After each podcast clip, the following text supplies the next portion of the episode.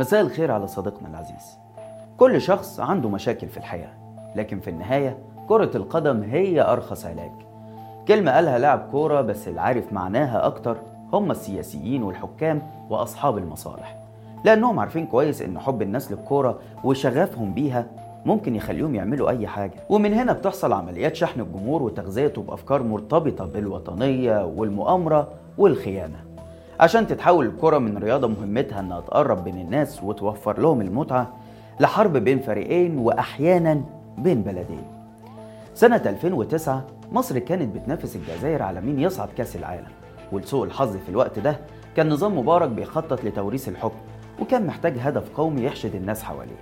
وطبعا مفيش أحسن من الكرة اللي المصريين بيعشقوها عشق هو حشهم يشوفوا منتخبهم في أفضل بطولة عالمية. فكان الهدف اللي النظام هيحشد الإعلام والفنانين وهيسخر كل موارده عشانه هو الصعود لكأس العالم. فورا اتحولت الجزائر اللي المفروض إنها بلد عربي شقيق ومنافس شريف في الكورة لعدو لمصر.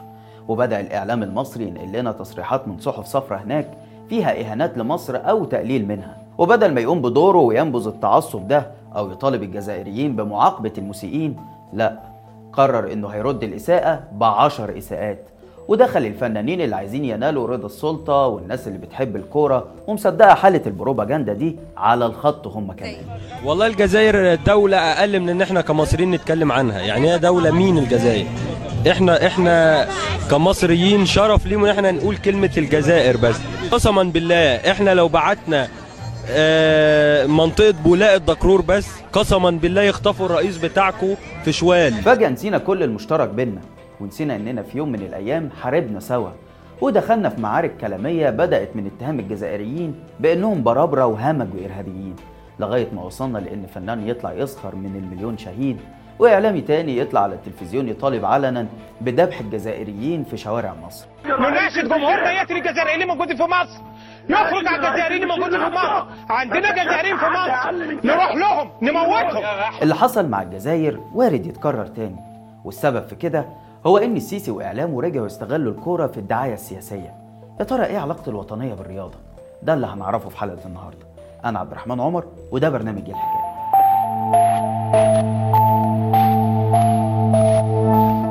مصر في 67 الدنيا كلها قالت الدنيا خلصت وعمر البلد دي ما تقف. 73 ظهرنا بإنسان تاني بلد تانية خالص.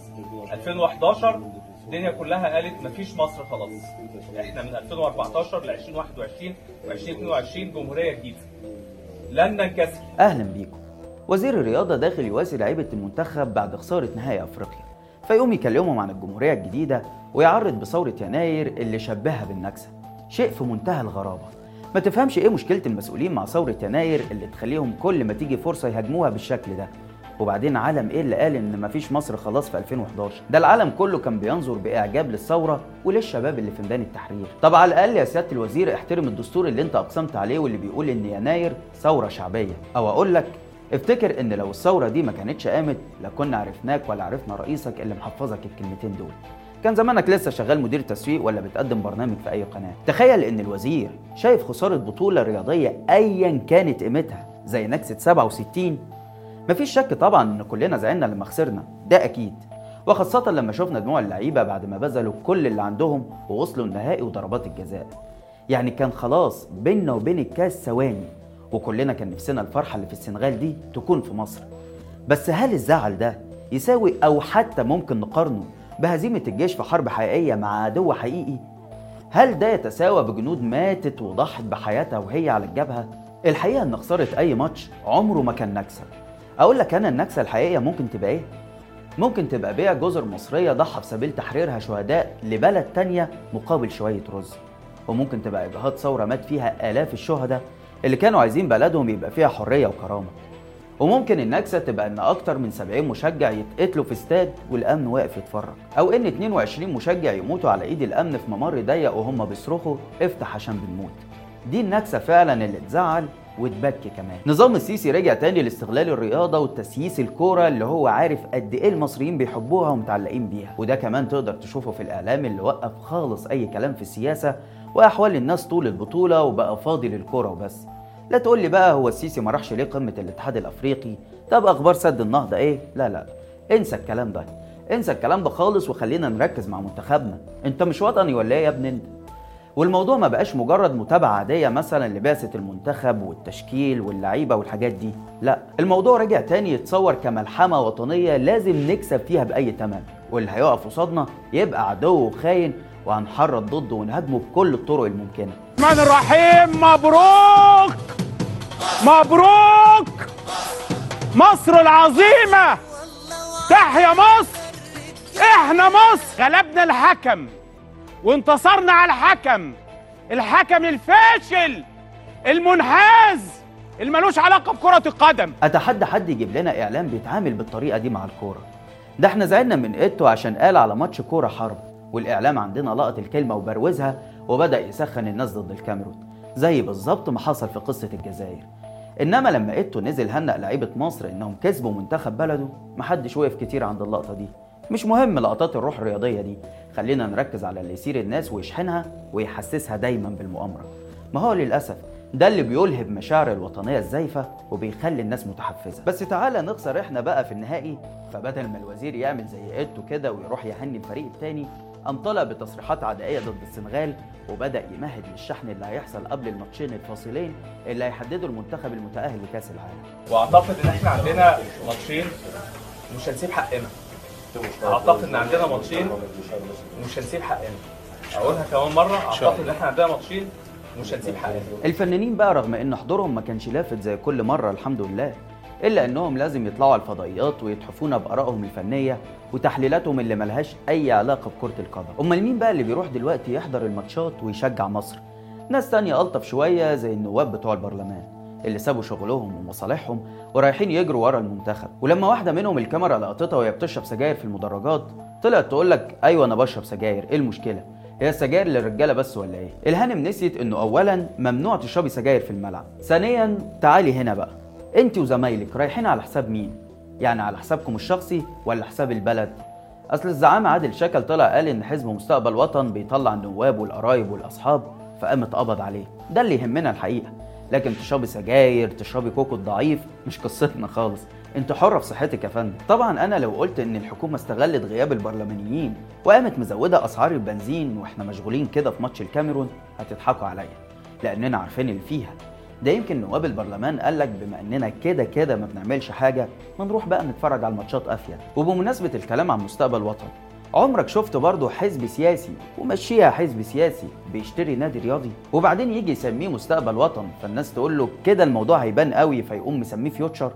وفي أول سنة ليه يشتري 27 لاعب جديد؟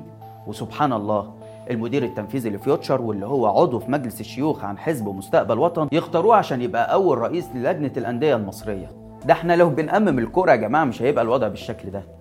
الرياضة وخاصة الكورة بتمثل للسياسيين خاصة في الأنظمة الديكتاتورية وسيلة إلهاء ممتازة جدا. بدل ما الناس تفكر في مشاكلها خليها تنشغل شوية بتشجيع فريقها أو متابعة أخبار اللعيبة والانتقالات والخناقات دي وكله. ورغم إن الكلام عن الإلهاء ده قديم شوية ومكرر ودايما بيتقال مع أمثلة تاريخية زي ساحات المصارعة في عهد روما القديمة أو فوز الأرجنتين بكأس العالم اللي استضافه الدكتاتور العسكري فيديلا بس الحقيقة الكرة دايما بتنجح في تحقيق الهدف ده. حتى أنت ممكن تبقى عارف كده بس من حبك وشغفك تنشغل فعلا. لأن الكرة بتحقق لك متعة أنت نفسك محتاجها. ونظام السيسي مش مدخر جهد في كده الحقيقة. دايما موفر للناس مادة ضخمة من الإلهاء. يعني مثلا شوف مرتضى قال إيه؟ شوف شوبير رد على مين؟ كهربا راح فين؟ بن شرقي هيجدد ولا لا؟ وغيره وغيره من الأخبار اليومية اللي بتشغل حيز كبير من تفكير الناس في وقت لا في سياسة ولا أحزاب ولا مجتمع مدني ولا حد يعرف الحكومة والبرلمان بيعملوا إيه وليه وإمتى. وهو ده المطلوب بالظبط. بس كمان غير الإلهاء ففكرة البروباجندا وشحن الناس دي لا تقل أهمية ولا خطورة. لا تقل أهمية لأنها بتزيف أفكار الناس عن الوطنية وبتخلي زي ما شفنا كده الفوز بالبطولة هو فوز للرئيس. اللي ممكن يسيب أكتر من ألف مصري راحوا ضحايا الغارة عبارة ويروح يحضر نهائي أفريقيا عادي جدا. ولا تقل خطورة لأنها ممكن تؤدي الكوارث يموت فيها بني آدمين كتير. لو أنت بتشجع كورة لازم تعرف إن النظام هنا ما يهموش الكورة في حد ذاتها. يهمه بس اللقطة المطلوبة. ده حتى السيسي لما حب يجود قال لك مش هنجيب مدربين أجانب خلاص.